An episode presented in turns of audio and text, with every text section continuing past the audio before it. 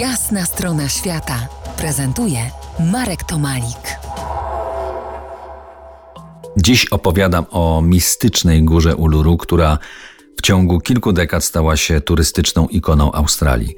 Zupełnie niemal nikt nie wie, że prawie 100 lat temu, w roku 1934, miał tam miejsce krwawy incydent. Otóż policjant, uważający się zresztą za eksploratora Outbacku, prowadził pościg za grupą aborygenów oskarżonych o łamanie przepisów, których oni zresztą nie rozumieli. Uciekając, schowali się w jaskini przy górze Uluru. Do jednego z nich ów policjant strzelał i śmiertelnie go zranił. I z biegiem dni, a potem nawet lat, sprawa nabierała znaczenia. Wprawdzie dwie rządowe komisje śledcze stwierdziły, nikt nie popełnił żadnego przestępstwa, ale z upływem lat pojawiały się nowe zeznania.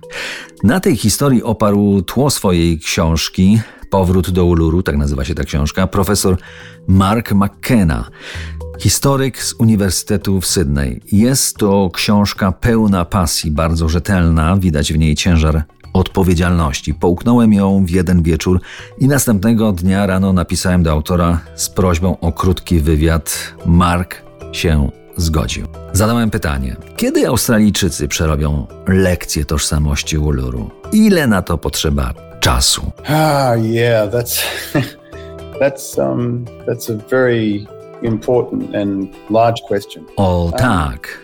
To jest bardzo ważne i pojemne pytanie. Sądzę, że jedną z dróg odpowiedzi na Twoje pytanie jest cofnięcie się w czasie o jakieś 50-60 lat wstecz do lat 70. XX wieku, 60.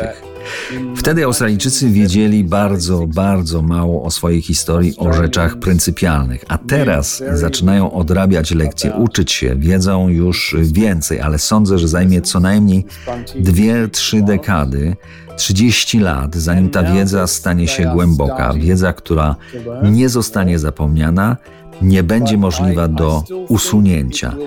Wielu ludzi w Australii nie czyta i nie zna swojej historii. Nie wiem jak Polacy, czy ludzie u Was dobrze znają swoją historię.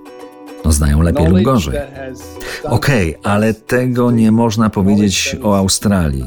Jest tu zupełnie inaczej. Zdecydowana mniejszość Australijczyków zna historię swojego kraju bardzo dobrze.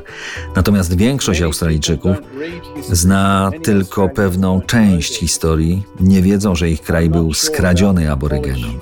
I wielu z nich nie akceptuje takiego stanu rzeczy, nie akceptują, że tak właśnie było.